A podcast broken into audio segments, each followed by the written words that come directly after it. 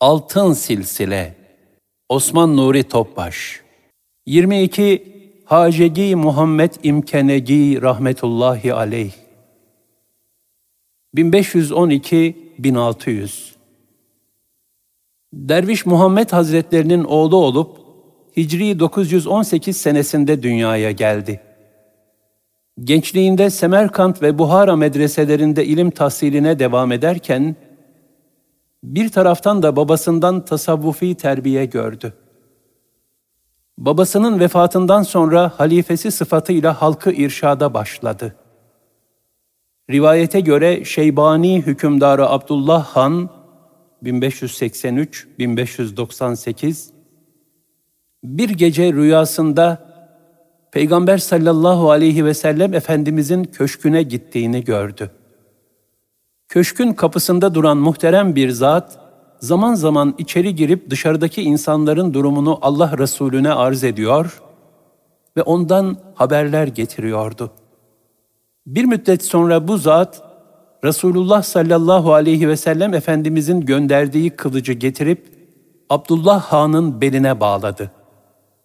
Abdullah Han uykudan uyanınca rüyada gördüğü bu zatı aramaya koyuldu ve sonunda onun Hacegi İmkenegi rahmetullahi aleyh olduğunu anladı.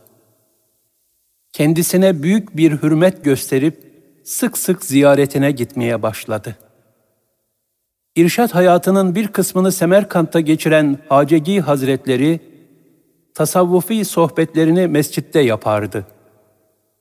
Misafirlerine hizmet eder, yaşlı haline rağmen onların sofralarıyla bizzat meşgul olurdu.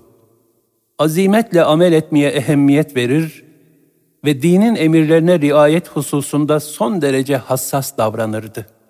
Bir gün müritlerinden biri meclislerinde bazı edebi eserlerin okunması için müsaade istediğinde meclisimizde her gün Mişkatül Mesabih isimli hadis kitabından okunuyor. Şüphe yok ki Resulullah sallallahu aleyhi ve sellem Efendimizin sözlerini zikretmek, diğerlerinin sözlerini zikretmekten daha hayırlıdır cevabını verdi.